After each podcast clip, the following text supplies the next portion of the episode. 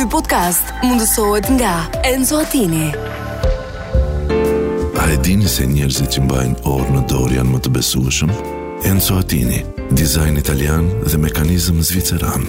Bli online në website-in tonë enzoattini.al, në rrjetet tona sociale, ose në dyqanin tonë fizik tek sheshi Wilson, Tiranë. Bagazhi i makinës mban erë. Rojet e kryeministrisë mbajnë erë. Neoliberalizmi mban erë. Festivalet mbajnë erë. Lakra e zier mban erë. Dosjet e komunizmit mbajnë erë. Plazhet e jugut mbajnë erë. Po ky është një emision? që nuk mban erë. Sot nuk është e hënë në Top Albania Radio. Përshëndetje Koloreto, se unë e dhashë eh, përshëndetjen time pak më përpara. Blerina më vjen mirë që, domethënë, do ishte shumë shokuese që t'i jepnim të gjitha për një herë, kështu që t'i japim pak nga pak përshëndetje. Përshëndesim njëherë të gjithë ata që sot uh, janë vërdallisur nëpër qytet. si ditë pushimi që ishte. Që zbuluan, rizbuluan në jetën e tyre liqenin artificial. Edhe sidomos do të përshëndesim gjithë ata që si ne nuk janë shkëputur nga detyra edhe këtë ditë të sotme. Po sidomos ata të cilëve një maj nuk u thotë asnjë gjë. Eksakt. Pra, i përshëndetëm të gjithë, domethënë. Se janë një milion francezë që po protestojnë. Pra një maj diçka u thotë. Këtu kemi njerëz që një maji nuk të thotë asnjë gjë. Pra as ditë pushimi është, as ditë proteste është, as një ditë asgjë nuk është. Është thjesht një ditë që është më keq, ta them se po ta them dhe në emision Blerina, që është një e hënë, më e hënë se sa s'ka ku shkon. Dhe si e tillë është një ditë në të cilën ne qajmë halle. Ca halle që na kanë rënë për pjesë meqenëse jetojmë në këtë vend, ca halle që na i kanë ngarkuar në kurriz. Ca të vogla e ca të mëdha. Ta. Kështu që e dashur Blerina, unë kam një problem të madh që nuk nuk e mbaj dot domethënë sa të vijmë te pjesa halle, do ta them që në fillim. Shprehe, shprehe. Ë, nuk e kam kuptuar akoma pse është, domethënë, dua të di. Hë. Ta shpjegoj unë. Nik Xhelilaj për cilën bashki është se kudo që shkoj nëpër Shqipëri gjej foton e Nik Xhelilaj që thotë voto voto. Unë Nikun do e votoja. por ndoshta jo për, ku di unë, për shembull, mm. janë ca bashkira që i kanë mm. merak Vau i Dejës për shembull, po. unë nuk e shoh Nikun shumë aty po, t'i zgjidhë hallet e Vaut të Dejës. Tiranën e zgjidh Niku. E zgjidh. Po. Tani e para e punës. Ku të votoj Nikun do në cilën për cilën bashki? Një herë si e sheh Nikun, e sheh vetëm përpara? Po dy veta, me sa kam me sa kam kuptuar unë, kandidatët në Shqipëri, në gjithë Shqipërinë janë dy, Nik Xhelilaj dhe Edi Rama. Se vetëm posterat e këtyre. E ke vënë? Nuk ka. Jo, është edhe Belind Këlliçi diku diku. Po Belindi i shkretë një gjë bëri domethënë kështu edhe befas u ngrit me ku me kuq e me maç. Kolo, tani mos më thuaj që je tek ata që nuk të duket gjë e madhe ngritja e gishtave të mesit. Shiko, e para punës unë kam një problem me ata që janë ankuar. Pse? Unë në përgjithësi ankohem për ata që janë ankuar. sepse nuk e di kush janë. Janë ose shoqata anonime, ose emra ku di unë që nuk më thonë asnjë gjë. Po, Ë uh, ose për shembull dëgjoj bashk uh, më fal uh, xhamitë e Tiranës ankohen. Si mund të ankohen xhamitë e Tiranës, më thuaj një çik domethënë. Po, sepse unë... është çështje morali dhe etike. Por kush të gjitha. kush janë xhamitë e Tiranës, dua të di kush do, kush do të kush merr përsipër, kush merr përsipër të thotë që ne jemi xhamitë e Tiranës. Pra kush flet në emër të xhamive si ndërtesa ose të xhamive si institucione? Nuk e di. Dua të di. Ata më të shqetësuarit që kam parë unë janë ata të krahut të kundërt të Belind Këlliçit, pra që janë partiakë dhe i kuptoj sepse është një mënyrë për të bërë propagandë dhe për të tërhequr votuesit nga krahu i tyre. Unë, që paskemi qenë një një qytet me kaq namuz, domethënë, që nuk na shqetëson fare se ç'ndodh në televizor, që televizor kudo ku shkon ke ekrane të mëdha që të godasin me banalitet, me vulgaritet, Ke dhe... muzikë dhe videoklipe non stop që janë me dhunë, me armë, me prostitucion, me me hashash, me kokainë, me të gjitha brenda. Nuk kam dëgjuar një herë xhamitë e Tiranës të shqetësohen. E paske keq me xhamitë. Po se më ngeli në mendje se po flisa me një nga këta zotnitë e institucioneve, të cilët janë institucione të lidhura të varura nga Edi Rama uh -huh. dhe janë dhe vrapuan për të thënë bobo, ky posteri me gishta, ë.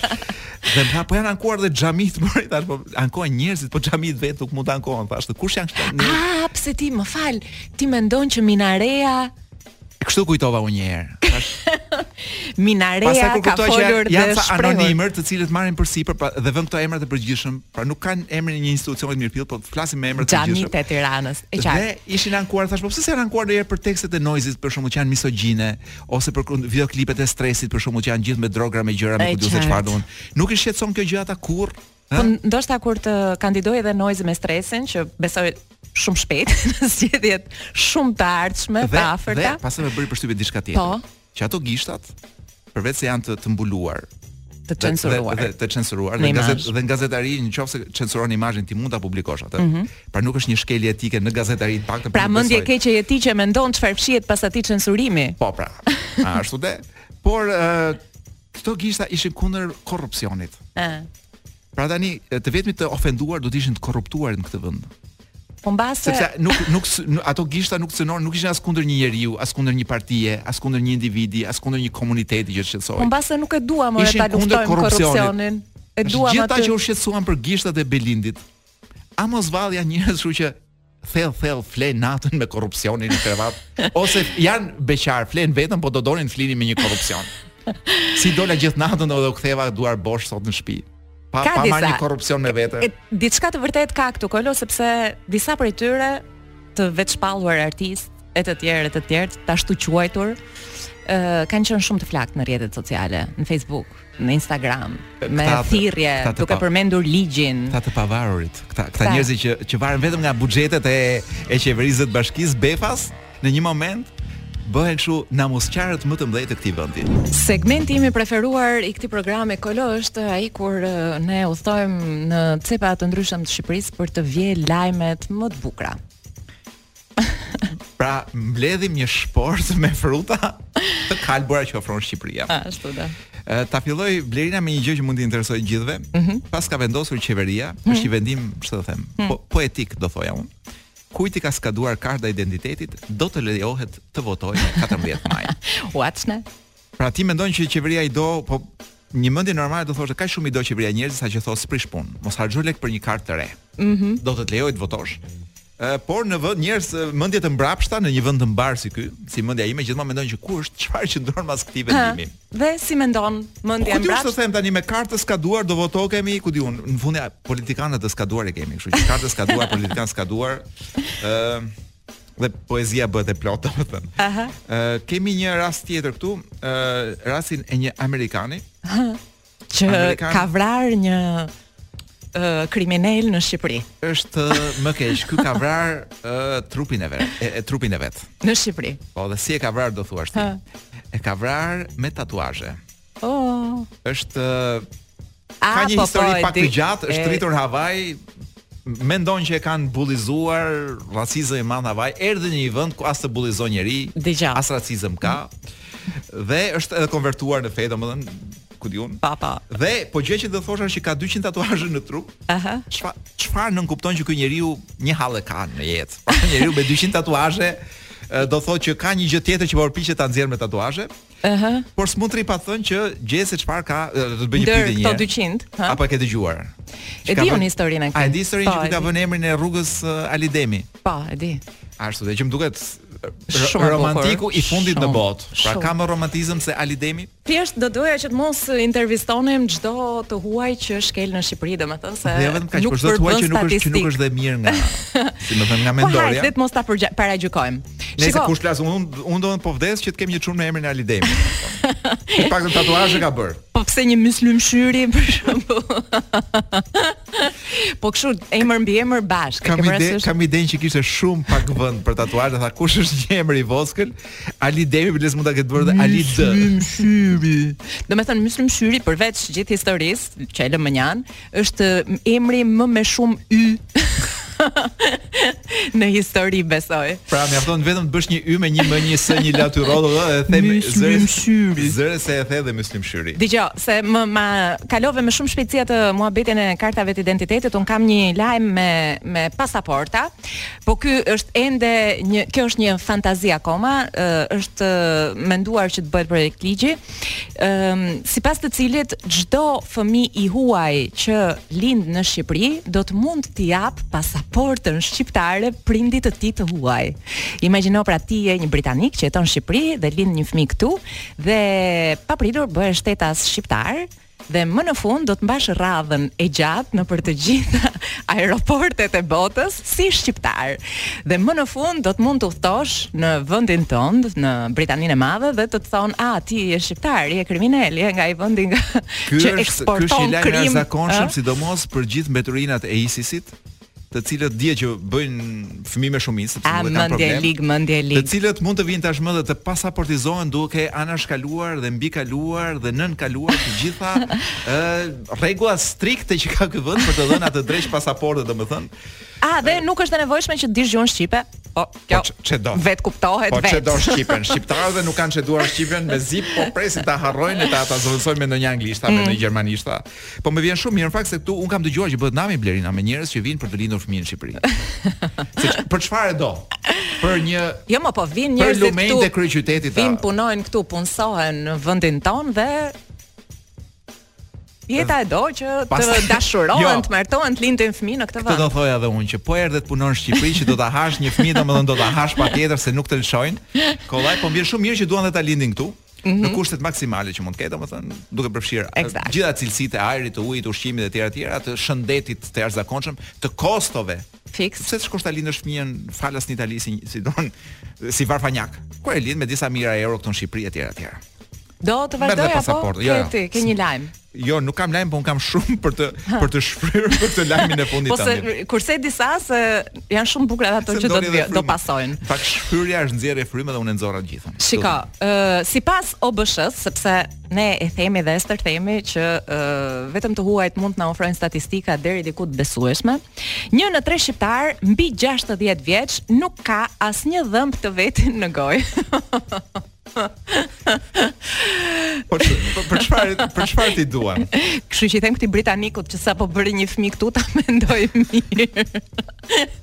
Sa gjatë do të jetojë në Shqipëri se po i kaloi të 60-tat, nuk e di kujt do ia marri borxh dhëmbët ose protezën. Atij britanikut do doja t'i thosha edhe unë një gjë të mirë, një lajm të mirë që janë shtuar sëmundjet seksualisht të transmetueshme në vend. Që më duket lajmi më i mirë i kësaj jave. Sepse do të thotë që ende këtu bëhet seks. Ma more nga goja. Jo mornava. Sëmundjet. Domethënë uh, un kisha menduar që përveç sëmundje mendore nuk na zë asnjë gjë. Por jo, na zënkan tashmë mm. edhe këto. Un un kujtoja se kishim krijuar imunitet. Mm -hmm. Mas uh, viteve të tëra që udhëhiqnim me krenari prostitucionin e, e kontinentit. Ëh. dhe trafiqet e tjera e tjera, por më në fund u kthyem në atdhe për t'i dhënë atdheut lavdinë e munguar që janë sëmundjet seksualisht transmetueshme. A ke interes për më shumë Blerina të dish çfarë? Jo, s'ka problem, nuk ka problem. Dua të të them të të jap dy indicie. Për po. lajmin e radhës. Ah, okay, për lajmin tjetër, pa po. se për këtë që sapo jo. iku. Jo. Se dy indicie. Edhe pse janë shtuar këto sëmundje. U ma thuaj. Për dy arsye. Ha. E para që kanë turp. Aha. Kush? Domethënë dominojnë moshat e reja sepse kanë turp të marrin masa mbrojtëse. Aha. Dhe këtu pastaj hapet një një hapet një kapitull i ri, çfarë janë moshat e reja në Shqipëri? Aha. Sepse Po lexoja një artikull të Lubonjës ku citonte dhe Konicën që paskësh thënë që në Shqipëri nuk ka rini, Ka vetëm ca që kanë lindur më herët dhe ca që kanë lindur më vonë. Dhe m'u duk një gjë shumë që më zbukuroi gjithë javën. Kështu që po këto që kanë lindur më herët, do më fal, këto që kanë lindur më vonë kanë turp të marrin masa mbrojtëse. E qartë. Tani jemi në 30 sekondat e fundit dhe unë do të jem shumë e shpejtë. Po ja më shkruan këtu. Ah, okay. Dhe mos më ul. Atëherë, nëse të them Pogradec dhe Hamer. Si je me me këto emrat e makinave? Un po m'i the këto dy, un them Koran. Belushkë të paktën. Ma hahet, ma hahet, po. Çfarë lidhje ka Hameri dhe Pogradeci? Nuk arrij, do për 100 vjet nuk do ta gjej dot. Çfarë bën një i ri 30 vjeçar me Hamer në Pogradec? Një ngjarje kriminale. Kaq kish. Ua ç'po the. Po mirë, po do do e lëm pa thënë këtë lajmin e fundit që në urën e Gjanicës, ura e Gjanicës është befas ë, të dhjefsha urat e Parisit, sepse fierakët kanë filluar të lidhin, ku di unë, kanë filluar të lidhin në dryn, dryna e gjëra për dashurinë. Po mund të thellohemi çik më vonë për Po, urën e po, po, Gjanicës, po, po. ë, vendin destinacionin e fundit romantik në Shqipëri. Dhe do t'i rikthehemi edhe një herë datës së shënuar të Një sotme maj. një majit, dhe çfarë duam ne më së shumti në vendin tonë të punës, Kolo, nuk duam lek, nuk duam uh... duam vetëm mos na vënë të punojmë. edhe çik unë pak unë paktën e kam çik këtë. Edhe çik. Po shkojmë bashkë apo? Pra njeriu që respekt më nga shkojmë bashkë apo? Nga kolektivi. Ore po shkojmë bashkë. Pra njeriu që punon më pak, në përgjithësi edhe respektohet më shumë. Tani 10 mënyra si të fitosh respekt në vendin e punës. me rastin e tham një herë të festës ndërkombëtare të ë të qejflinjve të diellit. ë që është 1 maj. E para është e rëndësishmja është që të jesh i përpikt. Në rastin e Tiranës, pra, të shkosh në punë i përpikt, po i bie që ti të shkosh me helikopter. Ëh, mm -hmm. do të ishte mirë që çdo të hënë të kesh një thashethem të ri për të shpërndar te kolegët dhe dhe do të ishte bonus nëse ky ka të bëjë me operacionet plastike të bordit drejtues. Duhen mbajtur mend ditëlindjet e gjithsecilit, por më e rëndësishme duhen mbajtur mend ë uh, ku di unë përvjetorët e themelimit të partive respektive etj etj. Po. Pra sepse mos... njeriu në një zyrë nuk është kurrë vetëm. Njeriu është bashkë me partinë e vet. të kolegëve, ëh, Partive të kolegëve. Po, po, po. po dhe ata do të ta kthejnë me respekt me partinë tënde. Mbaj higjienë, vishu korrekt dhe qethu me të njëjtin model të shefit nëse krahas kolegëve do të fitosh edhe simpatinë e shefit dhe nëse shefi është tullac you know what to do my friend. Po pra dhe në qoftë se shefi nuk mban higjienë, atëherë bie gjithë pika jo. dhe nuk është nuk e më mban higjienë, jo. por nuk duhet të mbash higjienë. Jo, jo, këtë duhet ta bëjmë, Kolo. për të mirën e mbarëvajtjes së punës. Blerina, dhe... njeriu sheh në radhë të parë interesin e vet. Dhe interesi jot është të bësh atë që bën shefi. Një shefi, një shef i palarë të gjithë palarë. Meqenëse jemi si popull anës lum, anës lumenjve po. Gjithmonë e më të palarë. Diçka tjetër që duhet bërë për të fituar respekt në vendin e punës është të kesh don po themi të mos thuash kurrë sa ke rrogën, por të lësh gjithmonë të nënkuptosh, të nënkuptohet se sa mund ta kesh rrogën. Gjithmonë të lësh për shembull në, në një ku di unë nga këto kur tërheq nga bankomati për shembull që merr atë biletën e bankomatit që tregon sa tërhoqe, të lësh copra letrash të transaksioneve bankare që bën ti. Pra t'i lësh gjithë të bëjnë thashetheme për rrogën tënde duke menduar uf kushedi sa ka rrogën kjo. Kurse un dhe kjo del nga skema e, e renditjes që na ka bër Lorenci me F, të cilin e falenderojmë. E, kam eksperiencën time personale Kolo që koleget e mia insinuojnë marrëdhënie delikate apo romanca intime me shefin për të fituar respektin e kolegëve dhe doti që kanë Sukses. Pra po të bëj unë në radio sikur po themi ku di un, shkoj me shefin. Po. Ndoshta Kloi, ndoshta Kloi, Kloi për shembull. Ëh, sa sa u tremb Klo. Do na lër të flasim një çik më shumë. Klo ti nuk je shefi në këtë rast. Shefi është kush është ai DJ që punon nga ana tjetër? Jepi, jepi. Çfarë kemi tjetër? Në mbledhje duhet të paraqitesh gjithmonë me bllok shënimesh dhe me një vazo me stilolapsa me ngjyra. Mhm. Mm Ë, të paktën një herë në muaj duhet të qerasësh kolegët me një bidon naftë. Kush do t'i thoshte jo një bidoni naftë? Megjithëse ka rënë shumë çmimi, sepse komiteti i vendosjes së çmimit të hidrokarbureve që Siç e di ti e kemi akoma. E ka ulur shumë Kolo. Duket që jemi para zgjedhjeve. Po s'ka, Allah po. I kanë ulur të tëra. ran të tëra moj motër, ran të tëra. Ra ra nafta, ra euroja, ran eh. të gjitha. Ra dhe ra dhe një komshiu im nga kati i dytë që sipas Sipas Kloit është Quet e ka emrin Faja. dhe kati i dytë është Fiku për Kloin. Ë të them edhe një tjetër që nuk duhet të thuash kurrë, pra që të kesh respektin e, e kolegëve në punë, nuk duhet të thuash kurrë që nuk është puna ime. Mm. As nuk e di dhe as nuk e shoh Big Brotherin. Kjo e fundit pastaj do të të përjashtonte nga çfarëdo lloj diskutimi të përbashkët. Jo vetëm kaq po të përjashtoj nga dashi. Në vendin e punës, edhe un kam edhe një të fundit, por që kjo uh, rregullon edhe një herë marrëdhënien me shefin më shumë se sa me kolegët, duhet të instalosh një kabull për të bajpasuar sahatin e dritave dhe kjo do të ishte për shefin tënd një fitore dhe respekt i padiskutuar. Të shtoj edhe një gjë tjetër unë. Apo e mbyllëm Kloj? E mbyllëm thot Kloj. Mirë. Ka Mos. shumë gjëra që mund të bësh për të fituar respektin në një vend ku puna, sidomos puna me dhe djersa e ballit nuk vlerësohet. Mban erë, mban. Ai është një libër që nuk mban erë. Po pra, ky libër që kam në dorë eh, nuk mban erë. Ky që kam në dorë nuk mban erë sepse është botim i ri. Edhe nuk kishte zënë myk akoma. Është libri një përmbledhje, një antologji e poetëve të harruar nga Shpëtim Kelmendi, një punë do thoja unë shumë fisnike. sepse ka përmbledhur një tufë poetësh të para çlirimit të Shqipërisë, mm -hmm. të cilët ishin për arsye politike etj etj apo biografie e, sistemi me regjimin komunist i kishte lënë në harresë, praktikisht i kishte fshirë dhe i kishte zhdukur. Ë zotria i ka mbledhë, i ka renditur edhe në rend alfabetik. Un nuk e di se si mund ta si mund t'u tingëllojë kjo atyre që kanë lindur mbrapa Meqenëse po flisnim pak për njerëz që lindin para dhe mbrapa. Unë un gjej një, domethënë është është një kënaqësi shumë e madhe të zhytesh në këtë libër, është botim i Dudajve, ë 1000 lekë të reja. Ëh. Uh -huh. Po futesh dhe gjen Shqipërinë e viteve 30-40, domethënë është realisht të zhvendos në kohë. Hajde pra. Meqense ti bëre një pyetje para javën e kaluar dhe the, po mirë më, të gjithë gegnisht këta, unë të gjeta një gjë ë në Toskançe. në toskanishten shqiptare. Ë sa bukur e the atë Toskançen. Ë nga ja të gjej dhe emrin e autorit se paska Isuf Luzaj okay. i lindur në 1913-ën. S'kishim dëgjuar kurrë për të, edhe pse ka vdekur në 2000-shin. Poezia titullohet Fëmrës. Ua. Ua.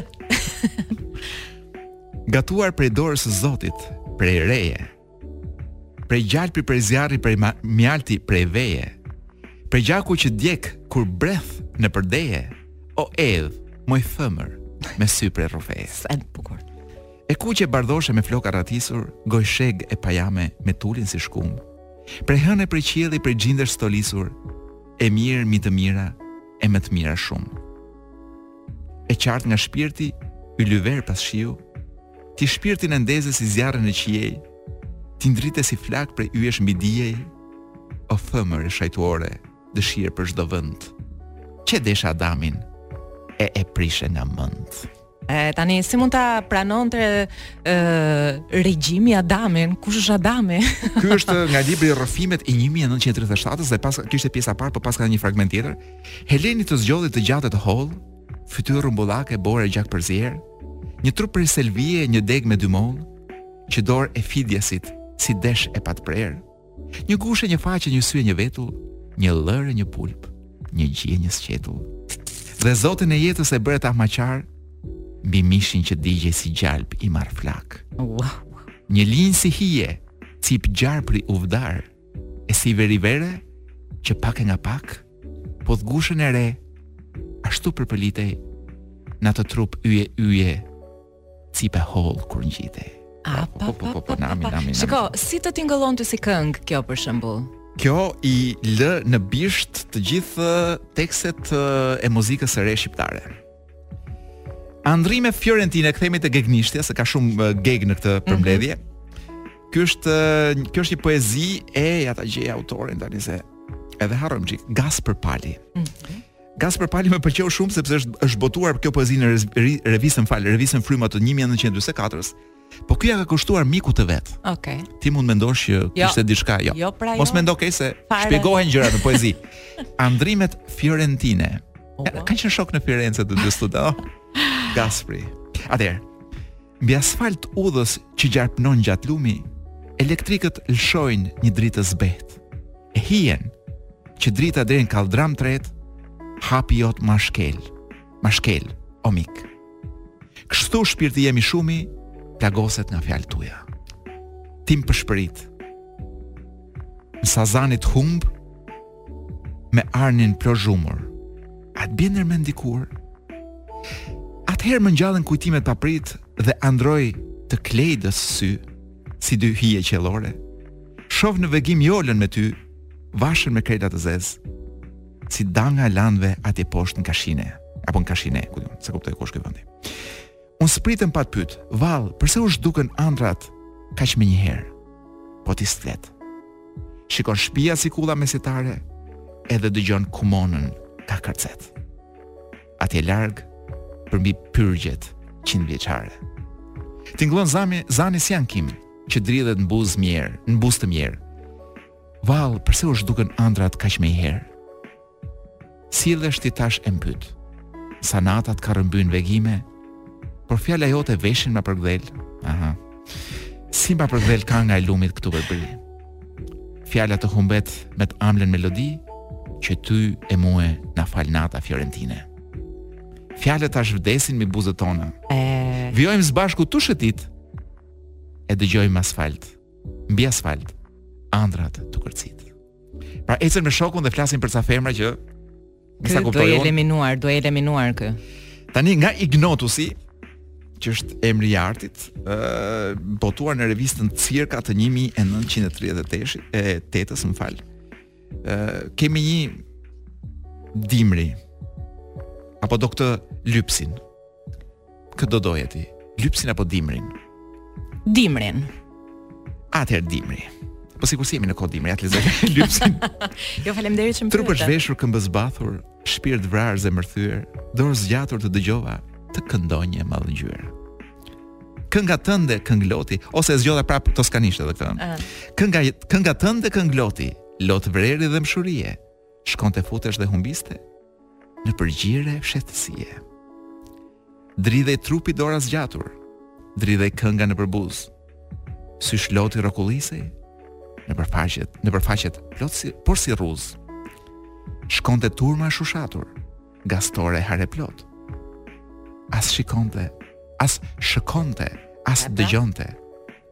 këngën tënde Helmelot.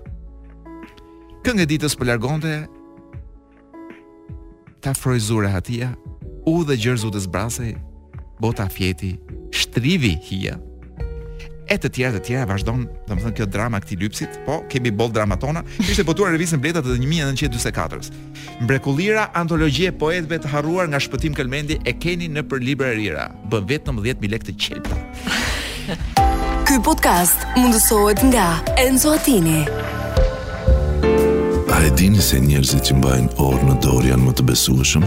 Enzo Attini, dizajn italian dhe mekanizëm zviceran. Bli online në website-in tonë enzoattini.al në rrjetet tona sociale ose në dyqanin tonë fizik tek Sheshi Wilson, Tiranë. Nuk është e hënë sot. Sot nuk është e hënë. Jemi rikthyer edhe do të flasim tani për një argument. Nuk është se i kam larg, le të jemi të sinqertë. Te te studio tjetër. Pra te dhoma e pritjes. Meqenëse do që ta themi. Ishim tek dhoma e pritjes së radios. Atëherë, Kolo, kemi ca program, ca emisione që nuk flasim për seksin, edhe është momenti tani që të jemi të sinqertë. edhe spunton ose nxitjen, siç e thonë në shqip, e kemi marrë nga Robbie Williams. Mua më shqetëson fakti që përveç ne që kemi disa disa episode, disa emisione që nuk flasim për seksin, por dhe Bamir Bamir Topi. Dhe Bamir Topi herë që ai hesht për seksin, po dhe Flamur Topi. Se që ka gjetur që sikur e ka qëlluar që ky të ketë folur për seksin Prisa më shumë nga i Shiko, tani unë dua që të qetësohen të gjithë ato çifte, sidomos ato që kanë një bashkëjetesë të gjatë, ë dhe ndoshta kanë akoma atë ankthin e prestacioneve seksuale. Domethënë ke parasysh ato çifte që kanë një kohë të gjatë dhe herë pas here vibron njëri, domethënë kur janë në makinë njëri e makinës tjetër vibron. Vëpërta e kam kështu një si ankth në të qetësohen. Po, sepse nëse martesa apo bashkëjetesa juaj shumëvjeçare tashmë nuk paraqet libido ose shenja nxitje seksuale, nuk ka asgjë të keqe. Dhe këtë nuk e themi. Është diçka shumë e mirë. Do kurseni kohë. nuk do nuk do harxhoni ujë. Nuk do t'ju duhet të bëni sikur s'doni, sikur ju dhem koka. në fakt ka qenë një diskutim shumë i zjarrtë që ka ndezur kjo deklaratë e Robbie Williams, Kolo, i cili në martesën e tij 13 vjeçare me partneren, ë ka dalë pikërisht me Ai Robbie Williams është martuar? Atëherë, po ky që filloi ky është lajmi kryesor që është martuar para 13 vjetësh. Pra ky mbasi po mbasi fjeti me ku di unë se ç'ishte i grup uh, po, i viteve exact. i viteve 2000 ku di unë një grup kështu girl band Pa. Po. Spirit Vo, jo, uh, jo me, pasi fjeti me gjithë Spirit Voice, jo me gjithë Spice Girls. Po jo vetëm, ai ka qenë E mbaroi misionin e vet në botë dhe tha po martohem se s'ngeli më gjë për të bërë tjetër. Ka qenë një uh, mashkull i përzgjedhur si burri më seks si në vitin 99 në mos gaboj, pra ka kaluar disa etapa. Disa halle në jetë, shumë halle ka pasur. Dhe më së fundi ka bërë paqe me veten e tij dhe me faktin që në martesë pas shumë vitesh mund të qëndrosh i dashuruar në intimitet pa bërë seks. Po. Është është ajo pjesë e bisedës që ti, ha, pra përpiqesh të kuptosh shumë me, me zhurma. Ha. E, ha, ha. Ose ose shihesh në sy edhe e, me le. Jo sot jo. e kalojmë edhe këtë javë. Dhe po mirëkuptim si ky. Exact. Nuk e gjen dot në një nga këto lidhjet sa ke dy muaj që je lidhur se nuk të lë turpi një radhë pa pa performuar. Ke folur fiks si Robbie Williams. Derina po jetojmë në në kohëra të çuditshme, uh -huh. sepse po lexoja trendin më të ri. Uh -huh. Se Kjo më të ri është kështu është na është kthyer në një makth domethënë se kemi gjithmonë gjënë më të re hiti më i ri, projekti më i ri i këngëtares filan. Më i fundit. Po desha të thosha që është një edhe ky më i fundit më heq zorrën se si. si tog mm, fjalësh? Po. Kështu që po e heqim fare nga qarkullimi.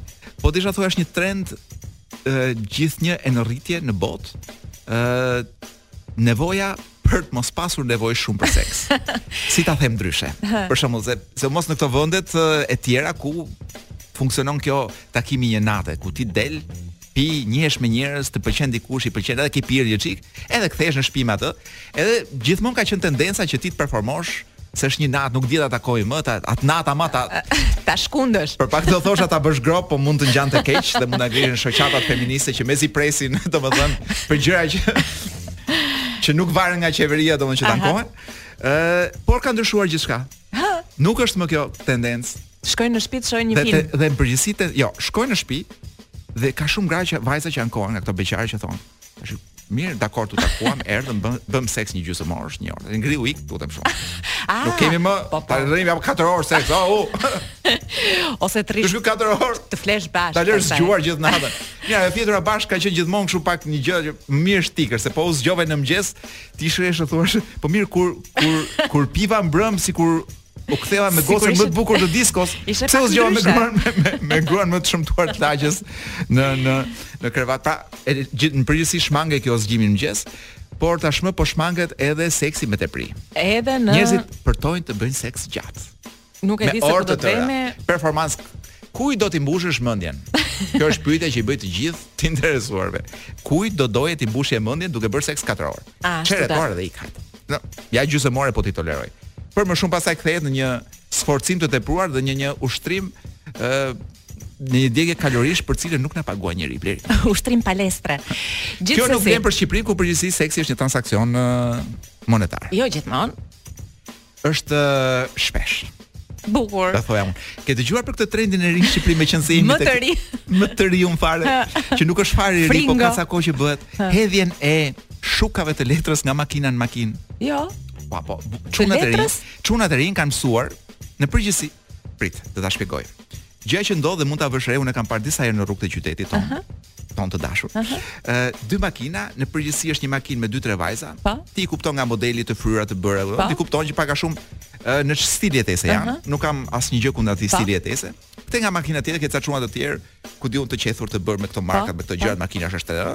Edhe ata kuptohet në ç'stil jetese janë, asgjë kundër stilit të tyre të jetesës. Uh -huh diku edhe nuk presin më të shkojnë deri në semafor që ndalojnë përbri njëri-tjetrit, po ndalojnë në mes të rrugës. Uh -huh. Ka një shkëmbim pop pop pop pop pop. kuptohen në sy dhe ky i hedh një shuk letre i hedh numrin e telefonit.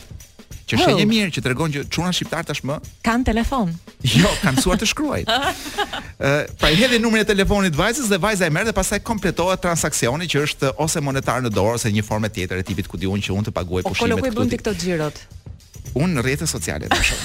Të gjitha këto i dim nga rrjetet sociale. Hap çik TikTok dhe të marrësh vesh, të marrësh vesh çik nga jeta se ç'bëhet. Tani është momenti i atyre taksirateve. Është momenti i vibracioneve. Do të sjellim një faqe nga fjalori i gjuhës së sotme shqipe. Një të plot? Unë do kisha sjellë dy, Blerina, sepse nuk e di ç'më ndodhi, se si ma more mendjen javën e kaluar dhe nuk nuk lexuam fjalor. Un kam hallin e dëgjuesve. Dhe më duket sikur kemi humbur diçka të madhe pra një ditë e humbur nga jeta pa fjalët e ëmbla të shqipes. Ose e ambla, meqënëse jemi akoma ke A-ja. Te A-ja jemi akoma dhe do qëndrojmë edhe për ca kohë tek A-ja. Ku jam unë këtu? Te A-ja po. Ë uh, prit Blerina se më humbi faqja e ah, fjalorit. Ndërkohë që unë gjej faqen e fjalorit uh, me të cilin do të merreshim, do ju kujtoja që jemi jemi në në po themi po përjetojmë epokën e Vaskos në radio. Po. Ë dhe do të kemi edhe sot një Vasko mbas lezimit të fjalorit do të uh, do të hapim një Vasco Vasco uh, de Gama. Jo, një Vasco Ros. Uh, dhe kemi nga albumi C'è chi dice no, kemi na bëj gati roj, uh, kemi uh, këngën Ridere di te. Që është një këngë që mua personalisht më ka prekur shumë. Me u shkri. Ashtu dhe. Me qesh. Opa, gjeta fjalorin, Drejna. Se kujtoje ti që nuk do e gjeja, jo. Fjalori u gjet. Dhe ja ku jemi tek Am-ja. Hmm. Po të lexoj ë amebën e dimë ambientin, ambientohem, një variacion ambulancën po e po, domethënë ambulatorin e përdorim përditë. Ëm kemi tek ama kemi një ame apo ameja apo ametë. Ame.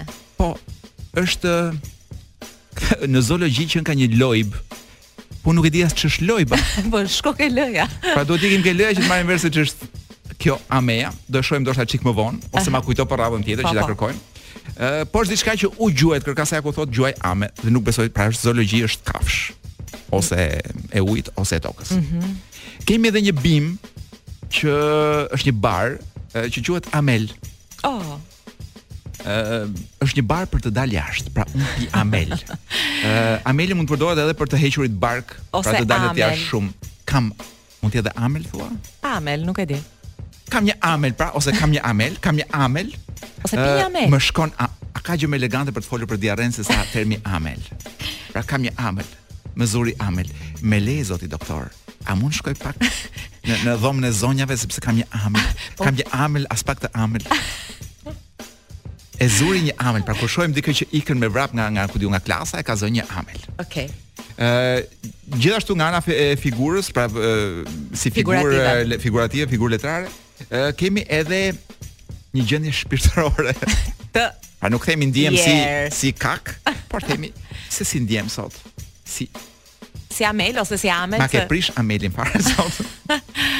sot erdhe me Amel të mirë Okej. ose me Amel të keq. Iku Amelia. O sa bukur doli Amelia. Ë shkojmë tek ë, okay, ka shumë fjalë të tjera që ne i dimë amerikana, amerikanat e tjera tjera. Shkojmë tek ametisti Gur i çmuar, po. Që në atë kohë e kishim në fjalor ametistin. Por me sa kuptoj për zonjat dhe zonjushat është uh, ametisti është një gur i njohur tashmë. Pa. Me ngjyrë vjollcë dhe i tejdukshëm. Uh, shkojmë tek ama. Autoriteti Am, ama. i medias audiovizive. Jo. Është shtrati i një rrjedhe uji. Oh, sa bukur. Është një burim. Ama e ujit. Ama e lumit. Pra Ama. është dhe burim, është dhe gurrë, është dhe bim ose kafsh. Pra ama, ama e bletës, ë? Ë, mund të jetë ç'është kjo pulë. Ah, pulë.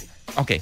Paska disa fjalë don, po po kaloj nga anatomia sepse amë i thashkan dhe ë amës së gruas, ku di unë, ama e lules, është ama mund të jetë një dru i shkurtër që shërben për të mbajtur dhe për të shtrënguar. Dëgjoj. Ë pra ama e çatisë. Qenka një fjalë me shumë përdorime. Mos pyet, domethënë ka një 20 përdorime këtu njëri mbas tjetrit. Ë çfarë kemi? Është dhe pjesa ama, është dhe pjesa e kreut në një blok biletash çeqesh apo faturash. Ke parasysh kur ne grisim atë dhe ngelet ajo koka atje? Ama. I themi ne ko, ja çfarë thashë unë kokë. Është ama mor zotri. Nuk është koka ose nuk është maja, është ama. Ë, çfarë kemi tjetër? Kemi edhe amën e luleve, kemi amën e djathit, sepse ka lidhje me amzën. Ë, pak më poshtë lexoj amnor që i për, që i përket nënës. Kemi amësimin që është amësimi është erë e këndshme. Aha. Ë, Kemi amështin. Amështi është diçka që ka shije të papërcaktuar. Për shembull, ëm um, gjellë e amësht, vjen si e amësht. Pra nuk është as i ëmbël, as i kripur, ku di unë është një gjë fare pa shije. Uh -huh. E amësht. Ose që nuk të tërheq me pamjen e tij. Qenke një burrë i amësht. I amësht fare. Kjo është një fjali që nuk do ta nxirrja dot nga goja ndoshta. Okej. Në jetë, por Mundësinë e kam. Fjalori ta lejon. I amësht. Ok. Ta shohësh dhe ta shash atë burrin ta bësh kruti, thua është një burrë i amësht, e ke degjeneruar fare. Ë, uh, amështiq. Jo, amështia një herë. Amështia është të qenët i amësht. Ë, uh, amështiqi është diçka që është si e amësht nga shija dhe që ka një farë amze. Pra është amësht dhe amështiqe njëkohësisht. Po. Oh ç'u lodha. Zbrit pak më poshtë. Pastaj e amët është dhe diçka që ka lagështirë. Është i lagësht. Rrobat, ku pra mund them ti qenke një burrë, qenke një burrë i amët. Po pra. ai burri është i lagur, si po. Le të themi që ka rroba të lagura, mos keqkuptohemi. Ikëm dhe nga amja, okay. ma kujto Blerina ku kemi ngelur ke Kemi ngel ke amëtohet. Ta, tani mund të ngrini volumin radios përsëri. Mbaroi fjalori, iku. Po. Edhe ka ardhur momenti i Vasco Rossit. Që njoftuam që në fillim nga albumi C'è chi dice no i 87-s, një album me nja 1 milion e kusur kopje të shitura që në atë kohë. Mhm. Mm Domethënë, që n'atë kohë se di si e ruanin italianët atë liretën, domethënë nuk e hidhnin kollaj, e hodhën për të blerë 1 milion veta, vajtën dhe blenë albumet e Vascos. Ridere di te. Kjo kënga më krijon kështu një si lloj ndjenje kështu si në stomak kështu si si një si ishte ajo Amel, e kam si një si Amel kështu, më krijon një kështu. Po duhet të ishte ndjenjë e mirë.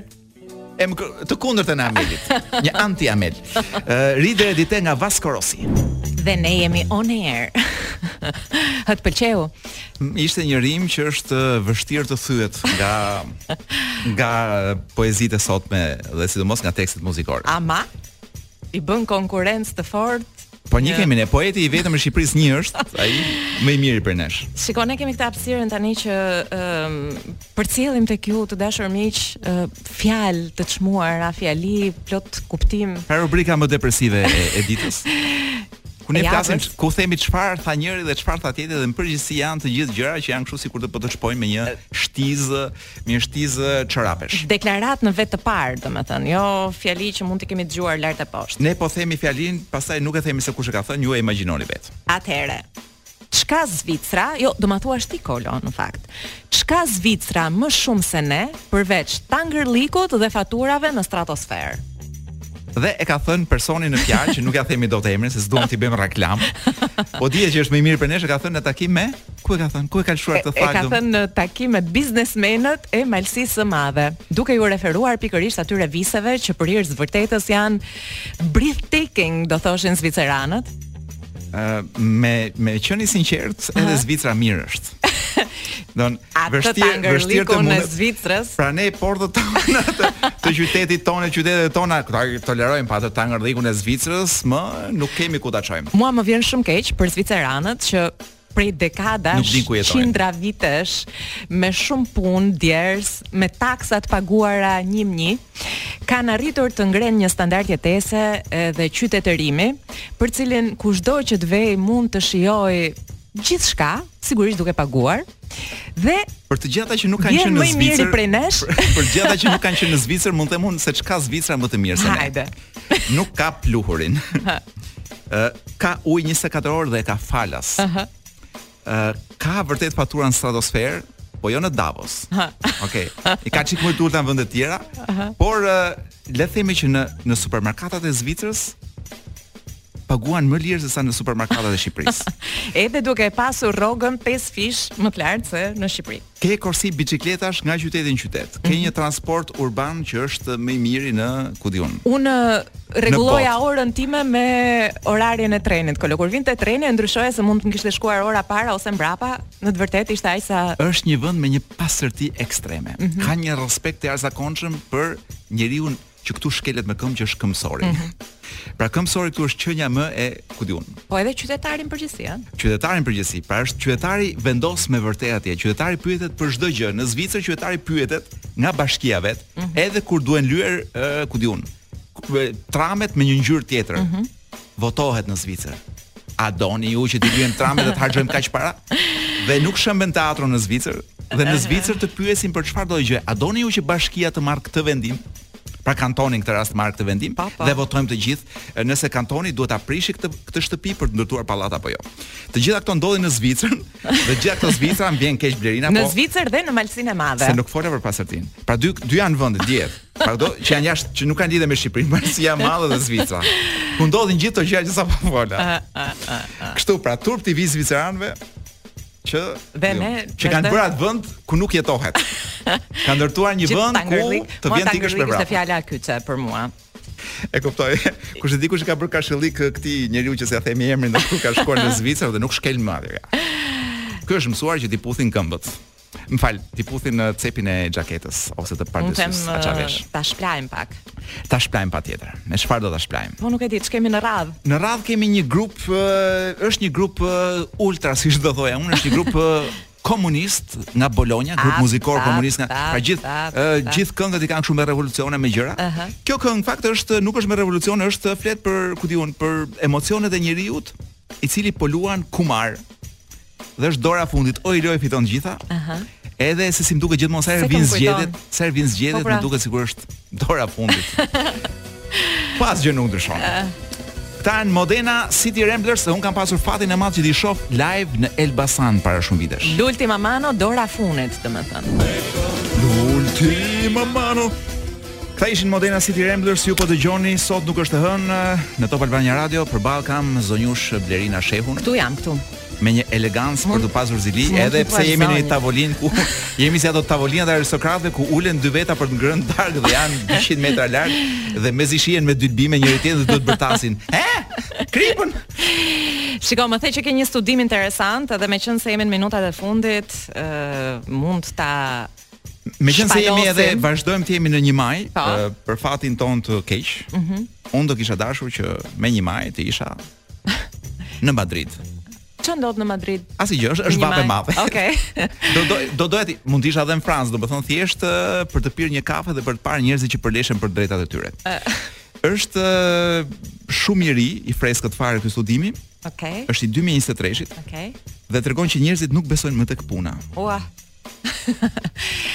Pra nuk besojnë më që të punosh, do të thotë që ti do do kesh një jetë më të mirë. Dhe është një gjë shumë shqetësuese. Në Shqipëri është bërë ky studimi. Brenda ku ke qenë para 22 vjetësh ti e mban mend? Si sot, po themi. Sot para 22 vjetësh. Sa vjeç jam unë tani? Në gjimnaz, Petro Nini Luarasi kam qenë. Opa, t'i bën të gjitha llogaritë. Ta bën të gjithë biografinë. Ë Atëherë ti ndoshta nuk e dije, por këta zotrinjtë që po lexoj unë dhe është Business Insider, mos gaboj. Hm? Po.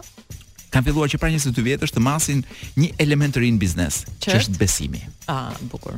Pra që ekonomia botërore të zhvillohet, ka nevojë që të matet besimi. A kanë besim njerëzit? Mm -hmm.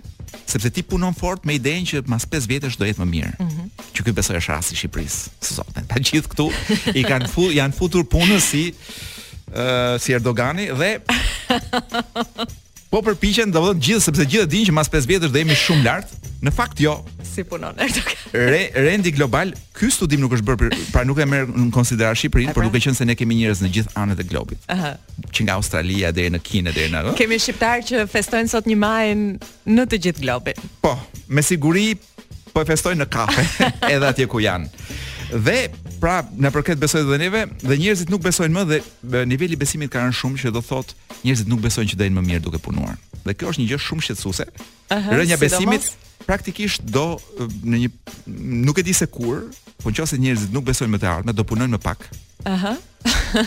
dhe gjithçka do përmbyset sepse neve në qoftë se nuk punojmë ça do bëjmë? Do shkojmë në shpellë. Nuk kemi një alternativë se çfarë do të bëjmë. Dhe është shumë e rëndësishme që pjesa e madhe e njerëzve në rang global besojnë që kapitalizmi në këtë formë që kemi ne, uh -huh. pra jo këtë formë që kemi ne, se ne kemi kapitalizëm kështu, ujqish. Në këtë formë që ka bota. Që, që ka që ka perëndimi. Zvicra. Ne jemi akoma domethënë në kapitalizmin e egër ku ujku ha ujkun, uh -huh. ujku i madh ha ujkun e vogël. Ose në atë të deformuarin. Dhe ky po pra, Ujk, ky që të ha është dhe ujk, domethënë me një këmbë që çalon. Po, është shok me ariun. Uh -huh. uh, dhe po thoja që kapitalizmi në këtë gjendje që është, si pas shumicës së njerëzve në rang global, është bën më shumë dëm se sa mirë. Ndoshta diçka e bukur po ndodh në botë. Tani, meqenëse jemi këtu tek mospëlqimi i punës dhe në krah tjetër disa shtete me sa duket kanë marrë masat e tyre për um, ehm, t'u ardhur sipas qejfit punonjësve, Spanja është një ndër ato që ka bërë javën e punës me 4 ditë. Të po tjerë Po Japonia që të ofron një astiqe në vendin e punës. Që të flesh. gjumi që të flesh. Që të flesh. Po shko po shko. Ti ç'mendim ke për këtë tani? Unë dua që të unë dua, unë dua, jo, jo, jo, nuk i dua fare ato. Unë dua xhezven e kafes. Na lënë të ndezim gazaqe dhe bëjmë kafe turke në në zyrë. Shiko, mendoje një herë 4 ditë në javë. Jo, gazaqe. Du gazaqe. Mirë. Dakor. Një blok reklamash mbas të cilit kemi një gjë të mirë dhe mbas të cilës kemi do them edhe një gjë tjetër. Po. Pra ky është rendi i gjërave.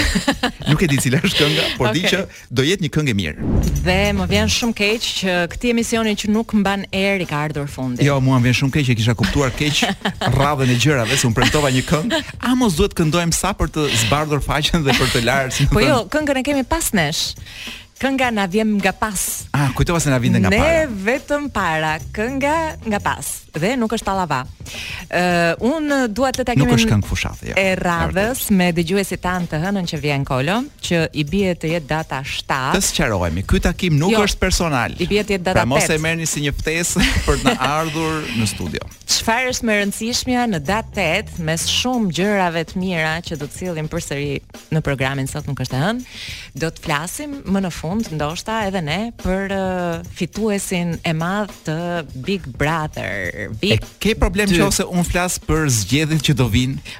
Po nuk flet dot për zgjedhjet pa ardhur zgjedhjet.